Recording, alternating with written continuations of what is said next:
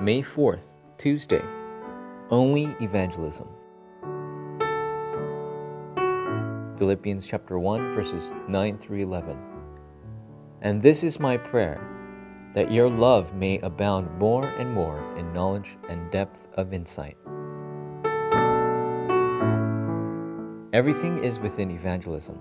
Evangelism is God's greatest desire, and our answers, health, lives, and prayers are contained within it.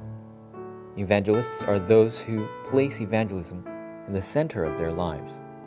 We can discover doors of evangelism if we think about what part of God's Word we can share to everyone we meet. We will find disciples who can overcome all circumstances. Regional churches will form if we enjoy the blessings within Christ together. It is important not to lose hold of this, but rather place this in our hearts and lives, live our lives. Number one, there are things we must enjoy as we think about evangelism alone. We must think about evangelism alone and enjoy that God is together with us. Paul said that he was a servant of Christ.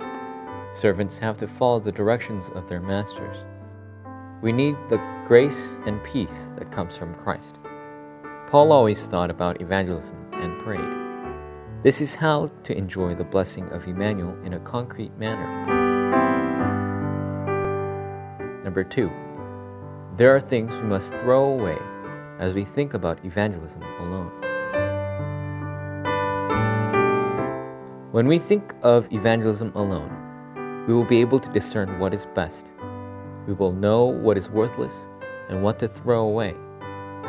We must throw away all the motives, disbelief, and humanism that we have apart from evangelism. Works will arise when we do. If someone asks you for help, help them. If someone has a problem with you, yield. When you are running errands, do your best while using common sense.